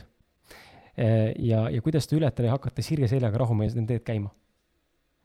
ja seejuures jäädes siis nagu noh, ma tean, me räägime siin kindlasti sellest, kuidas teiste arvamus on oluline, aga mitte, et olla ükskõikne, vaid jääda sõltumatuks teiste arvamusest ja, ja, ja miks on see teekond teinekord nii raske, kui see on meie teekond. Ega see ei olegi lihtne. aga ta võiks. on ju see ei ole jah lihtne, sellepärast et äh, no vaata äh,, tuuakse näidet, on ju, nendest krabidest ämbris. ehk kui üks krabi hakkab äh, ülespoole ämbrist liikuma, on ju, siis teised krabid tõmbavad ta alla tagasi et täpselt sama toimub mõnes mõttes kahjuks või õnneks ka meie ühiskonnas. ehk kui keegi hakkab rohkem oma teed käima, siis see on teistele häirekell, et vau, vau, vau, ta teeb midagi teistmoodi, et äkki see tähendab seda, et ma pean ka midagi teistmoodi tegema. ja siis tõmmatakse natuke alla. et eh, endal nagu mugavam oleks, et eh, ma ju, ma ju ei taha muutuda et kui sina nagu muutud ja mingit oma teed otsid ja ma ei tea, kontaktis endaga oled, et äkki siis ma pean ka seda tegema hakkama või et äkki siis see, kuidas ma olen, ei ole piisav või noh, inimestel lähevad erinevad protsessid käima, on ju, ja seetõttu ega see lihtne ei olegi. mina enda jaoks olen mõtestanud seda asja selliselt, et ma proovisin elada oma elus kakskümmend kuus aastat selliselt, nagu kõik teised justkui ümberringi tahtsid ja heaks pidasid. siis ma otsustasin, nüüd aitab et mulle see elu ei ole meeldinud see ei ole mind, mulle rahuldust pakkunud ja ei ole mind õnnelikuks teinud, et nüüd ma lihtsalt proovin elada nii, et kuidas mulle meeldib. ja ütleme nii, et ega seda vastupanu on olnud ikka väga-väga palju ja see on olnud väga keeruline, eriti veel, kui kõige võib-olla lähedasemad äh, tuttavad inimesed ütlevad sulle, et kuule, et äh, nagu hulluks oled läinud, et mis sul viga on. et äh, ole nüüd normaalne, noh, mine tööle mil-, mida sa nagu korraldad, on ju. et ega see ei olegi lihtne ja ei olegi lihtne seda selga sirgu, selga sirgu lüüa ja edasi minna, aga ma olen näinud, et see on ainus, ainus tee, mis on mind õnnelikuks teinud ja minu elus loonud suure rahulolu oma eluga. Et vastasel, noh, me jäämegi nagu, ühele ei meeldi üks, teisele ei meeldi teine, no kelle järgi ma siis elan, noh et ainus viis ongi elada enda järgi. üks hetk sa näed, et need, kes on alguses vastu olnud ja vastu puskinud, et üks hetk on, nemad ka tulevad, et kuule, Annel, et mida, kuidas sa teed seda et oli jah imelik, et aga nüüd sa ju teed, et päris põnev, et räägi ka, on ju. ja osad inimesed kaovadki elust ära ja see on ka okei okay.. Et äh, elu on lihtsalt pidev muutus ja tuleb lihtsalt käia oma teed ja eks see eristumine on lihtsalt samamoodi, nagu me enne rääkisime, et tuleb lihtsalt aktsepteerida seda, et me olemegi erinevad ja et see, mida ma teen, on erinev ja teistsugune ja see on okei okay. et noh, enda jaoks tuleb sisemiselt rahu teha mm, -hmm. siis ei häiri ka need inimesed kõrvalt, kes midagi ütlevad. jaa, täiesti, täiesti nõus. vaatan siin, tulid Reete-Liis jah, Reete-Liis poolt tuli küsimust jada juurde veel eelmise küsimuse ka, et siis igaks juhuks ütlen üle, et võib-olla see algus ei olnudki siin, aga kõik saated äh, ja salvest-, kõik webinarid tulevad salvestusena saadavale alates kuuendast detsembrist. ma nüüd ei ole kindel, pole otsustanud veel, kas kõik korraga kuuendal detsembril või hakkavad kuuendast detsembrist iga päev äh, iga külaline eraldi üles tulema, nad tulevad Youtube'i Kris Kala äh, kanalisse, mine otsi ülesse. Facebooki ausad meestel eraldi video on ülesse, kui Facebook lubab mul saata või upload ida nii suuri faile ja kindlasti nad tulevad ka audiofailina eraldi üles kõikidesse suurematesse platvormidesse, kus ausad mehed podcast'id täna esindatud on. Ehk siis Spotify, iTunes, SoundCloud, Overcast, Google Castboxid, mis iganes Castboxid veel, et me oleme päris paljudes. nii et jaa, tulevad. Lähme siit kohe selle juurde ka, et just nimelt see enda, enda nagu eristumise teekond mingil määral läheb kokku ka sellega, et enda, enda esikohale seadmisega ja, ja seda nagu mõistetakse ka jälle kaheti, ühed ütlevad, enda kohale esiseadmine on egoistlik, teine ütleb, et see on ainukene õige viis. mõlemal on õigus. Äh, see on selle maailma nagu üks suur paradoks ja võlu, on ju, et ma tean, ma hakkan ka rohkem mõistma, et tegelikult on kõigil õigus mm. -hmm. vahet pole, mida sa arvad, sul on ikkagi õigus. sest et see on sinu kogemus. Äh, aga ma küsingi, et siis äh, miks on iseenda esikohale seadmine oluline ja mis vahe on seal egoismil? esikohale seadmine, versus ego, egoism ja esikohale seadmine mm. -hmm minu enda jaoks on olnud see enda esikohale seadmine teekond väga väikesest peale, sest et ähm, ma ei tea, minu jaoks on kuidagi olnud oluline see, et, et mul nagu hästi ja hea on. ja seda on üsna sageli minu puhul ka tembeldatud äh, egoismiks ja mu enda peregi vahest on öelnud, et ah, sa oled jah egoist mm,. miks seda peetakse võib-olla egoismiks, kui sa ennast esikohale sead, on see, et enamik inimesi ei ole harjunud sellega, et teised inimesed ennast esikohale seavad või et noh, me oleme harjunud sellega, et noh, mõtled ikka teistele ja arvestad teistega ja see ei tähenda enda esikohale seadmine, et sa ei arvesta teistega. egoism minu arvates on see, et kui sa teed midagi teiste arvelt või sa ootad, et teised elaks nii, nagu sa tahad, et nad elaksid. see on minu arvates egoism. toon ühe näite. oletame, et kui sa elad kellegagi koos, on ju, ja sul on hull plaan, et oh, õhtul võiks mingit pidu teha sõpradega, on ju. ja siis lähed koju, ütled sellele, kellega sa koos elad, et kuule, tead, et teeks õhtupidu. ta ütleb, et ei, ma ei taha, et ma ju mõtlesin, et ma lähen vanni ja võtan veini ja loen raamatut, on ju. egoism oleks see, kui sa ütleks, et pohhui. suva. mul on pidu. sõbrad tulevad siia see on egoism. aga kuidas seda lahendada ära selliselt, et sa sead ennast esikohale, on see, et okei okay,, fine, sa tee õhtu veini ja raamatuga, mina lähen sõpradega välja. või ma maksan sulle hotellitoa kinni, mine vanni, mul tuleb pidu siin noh, kui see on näiteks hea absoluutselt, vaata, see ongi see erinevus, et ma, ma ei jäta enda soove ja vajadusi nii-öelda teiste mm, taha nii-öelda, et noh, talle ei sobi, no okei okay,, leia mis lahenduse, kuidas sobib, on ju. et alati on võimalik leia, leida lahendus. Ja kui me elame oma elu ainult selle järgi, noh, mida teised tahavad ja mida teised arvavad, siis see on nagu üsna keeruline ja nukker elu, sest et noh, kogu aeg keegi arvab midagi ja kogu aeg keegi tahab midagi. et ainus viis nagu päriselt elada õnnelikku ja rahuldust pakkuvat elu ongi see, et sa arvestad oma soove, sa teadvustad neid ja sa seadki ennast esikohale, mina hetkel tahan nii, ma päriselt tahan nii. Või et ma tahan asju teha sellel viisil. et ähm, mul on mitmeid kogemusi elus, kus äh, ma olen ka ärisuhetest välja astunud, sest ma olen tundnud, et ma pean ennast selles kohas esikohale seadma, kuna see viis, kuidas, ma ei tea, asjad läinud on või kuidas asju tehakse, et see ei, see ei toida mind mitte ühestki otsast. ja siis öeldakse, et no egoist oled.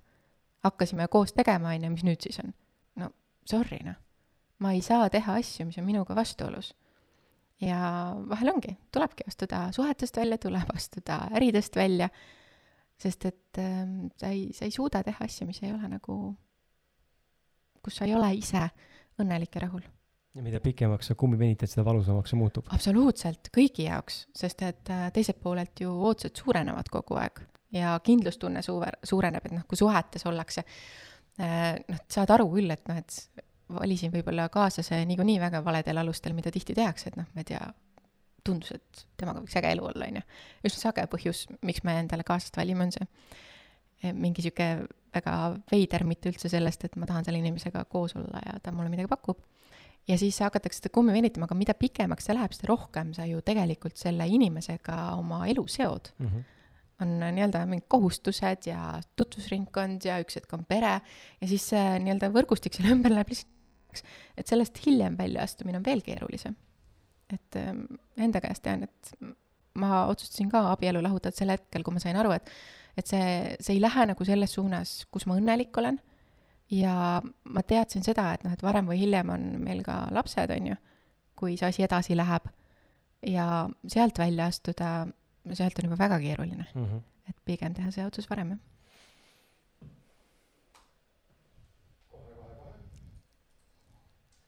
Küsimusi veel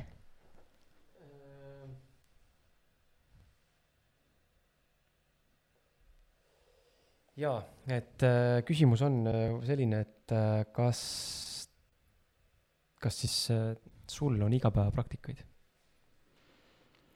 mm,?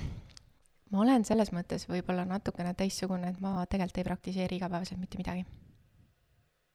tegelikult ka. sama? Et äh, ma teen küll, mul on küll selles mõttes, et ma ärkan hommikul äh, circa tund kuni poolteist äh, varem üles siis teen seda ja seda ja seda, aga ma ei tee midagi. ja siis ma teen seda, mille järgi mul tunne on mm. -hmm. vahest võib see tähendada seda, et ma ärkan hommikul üles ja ma olen lihtsalt poolteist tundi vannis. ja that's it. vahest on see, et ma tunnen, ma ei tea, tahaks liigutada, teen joogat või mida iganes, loen raamatut, kirjutan, et ma teen seda, mis tunne on, ma ei praktiseeri nagu, et noh, et iga päev nui neljaks asjad. pean ja, ja no seda ma ei tee ja noh, ma varasemalt mediteerisin tohutult palju. et üks ähm, kõva aasta tagasi veel olid mu sellised mediteerimised sihuke poolteist, kaks tundi päevas. et äh, see praktika oli hästi tugev, aga täna ma saan kõik selle, mida ma meditatsioonis too hetk sain, ma saan täna nii lihtsalt kätte, et ma ei vaja seda protsessi omaette. et me tihti otsime sealt ju seda vaikust ja ja vastuseid ehk ma saan need täna nii lihtsalt, sest et natuke on praktiseeritud. eks ma ei tee täna midagi peale selle, et ma küsin endalt vastuseid, mm. -hmm. kui nagu vajadus on. ma võtan sult äh, viimase küsimuse ja siis mm, -hmm. kui on, siis on teil võimalus nüüd selle viimase küsimuse vastuse jooksul veel mingeid küsimusi küsida. ja, ja siis äh, Toomas saab need mulle siia teele panna ja siis me saame siin eetris küsida, vastasel juhul me selle küsimusega piirdume. aga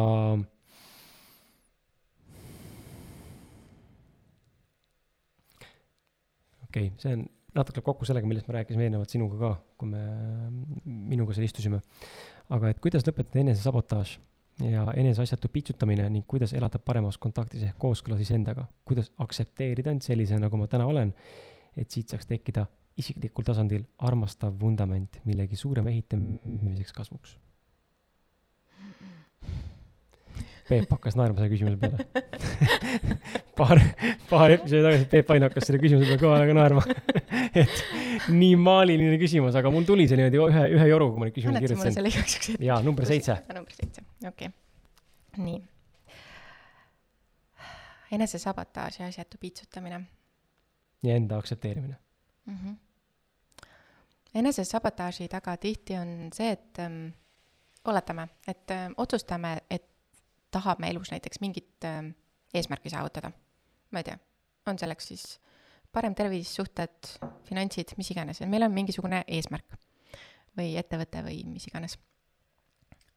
mingi, mingi siht on paigas. ja siis me otsustame, et okei okay, ähm,, tahan seda ja nüüd siis hakkan selles suunas äh, liikuma, tegema samme, tegevusi. aga kui me ei ole nii-öelda enda käest äh, siis järgi küsinud, et kas see nagu meie sügavama osaga ka see siht või suund kooskõlas on, siis üsna sageli me hakkame iseennast seal saboteerima, sest see ei ole meie tee. see ei ole see koht, kuhu me liikuma peame või sel viisil, kuidas me liikuma peame. või siis on see meie nii-öelda selliste põhiliste väärtustega vastuolus.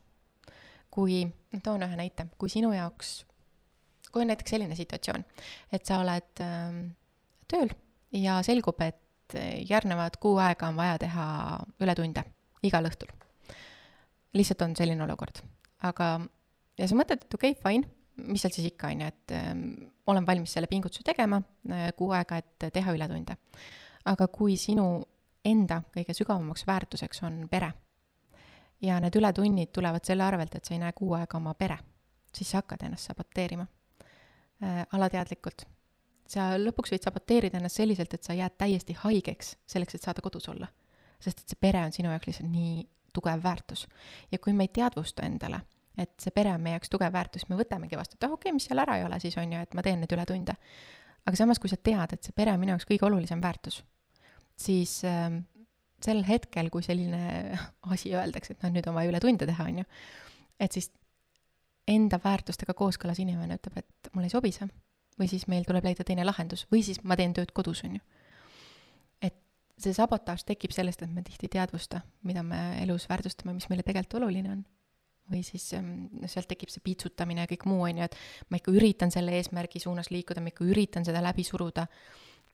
Äh, aga seal ainus viis, kuidas seda nii-öelda lahendada, on tulla samm tagasi ja hinnata, et okei okay,, kas see asi, mida ma päriselt nüüd tahan või ma, et ma tahan ma ei tea, miljonäriks saada, ma pean saama, või finantsvabaduse kätte, ma pean selle kätte saama, on ju. et kas see on minuga äh, kooskõlas ja sellisel viisil. vahest võib olla, et see viis ei sobi. ja kuidas elada siis kontaktis ja kooskõlas endaga, on hakata no esimene samm, nii nagu ma ka kõige alguses rääkisin, on ju, et märkama oma mõtteid ja tundeid, sest siis me saame aru, miks me mingis olukorras mingisuguseid valikuid teeme, miks me teatud situatsioonides reageerime selliselt, nagu reageerime, miks me vahel vihastame, miks me, mingid asjad meid õnnelikuks teevad, mis asjad meid ei tee õnnelikuks. et see algab sellisest eneseanalüüsist ikkagi ja märkamisest. ja mida rohkem sa endas selgusele saad, kes sa päriselt oled, mida sa tahad, kuidas sa tahad, seda paremas kontaktis iseendaga oled ka. kuidas ennast aktsepteerida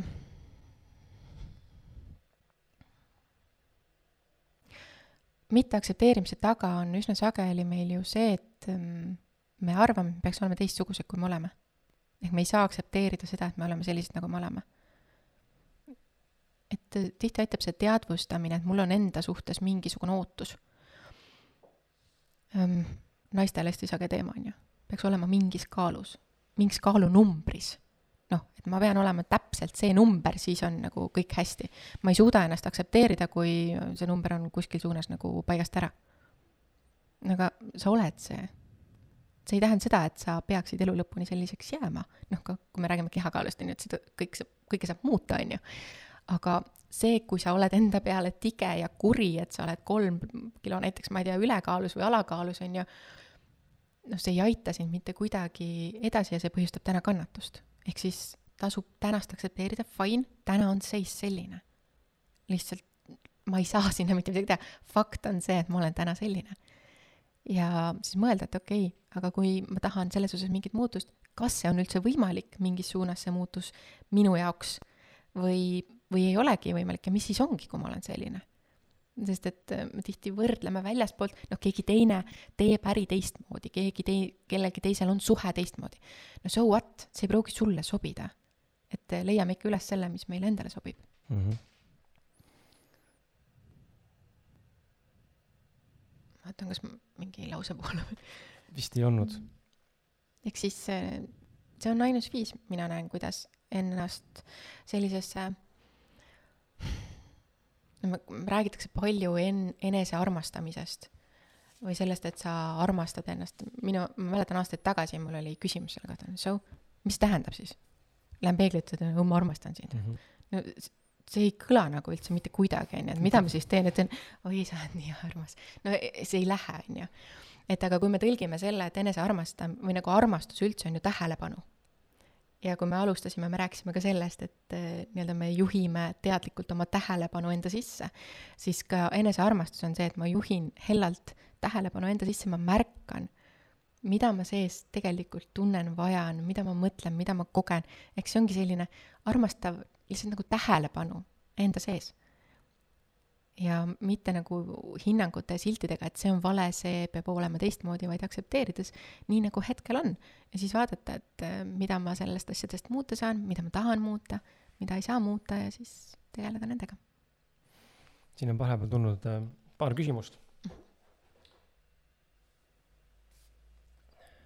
et äh, Rain on meil siin hästi tubli, Rain on nii tore, ta alati küsib küsimusi, mulle nii meeldib, Rain paneb alati, alati paneb küsimusi et ähm, äh, Rain küsib siis, et äh, Annela, mida soovitad sina esimeste sammudena saavutamaks kooskõla oma sisemise minaga? sellised, võib-olla oskad midagi praktilist tuua mm,? võtta aega iseendaga olemiseks, nagu reaalselt, selles mõttes, et võtta oma tähelepanu ära väliselt ja lõpetada oma meele lahutamine igasuguste äh, välis, väljaspool olevate viguritega. et äh, suunata oma tähelepanu enda sisse ja endaga kontaktis olemiseks lihtsalt hakata neid küsimusi küsima, mida ma siin kehapendliga enne õpetasin. Et see kehapendli kasutamine on nagu ülilihtne asi, et sa saad läbi selle kontakti rohkem iseendaga, aga jah, esimene asi, lihtsalt tähelepanu enda sisse ja sealt läheb teekond pihta. siis ta küsib, et Kris, kuidas sinu kella viie klubi praktikaga läheb, et see on muide hea praktika sisemise mina leidmisel Äh, täna ma Sharma, Robin Sharma kella viie klubi siis, kes lugenud ei ole või ei tea, siis Robin Sharma on nii-öelda five am-i või hommikul kella viie ärkamise klubi üks selline põhi nii-öelda ideoloogia asutaja või nagu edastaja, et äh, mingi aeg ma olin hästi intensiivselt kella viie hommiku inimene, täna on see pigem äh, ütleme nagu jooksvalt kulgev, et ma ütlen, et üritan, ma olen päris pikk paus olnud niimoodi äh,, aga nüüd ma üritan nelja-kuue vahel ärgata äh, ja vahel ongi neli üleval ja teen oma asju, aga mul ei ole strikti rangelt enam seda, et nüüd kell viis on kinni, mul äratus võib olla, aga ma ei pruugi tõusta.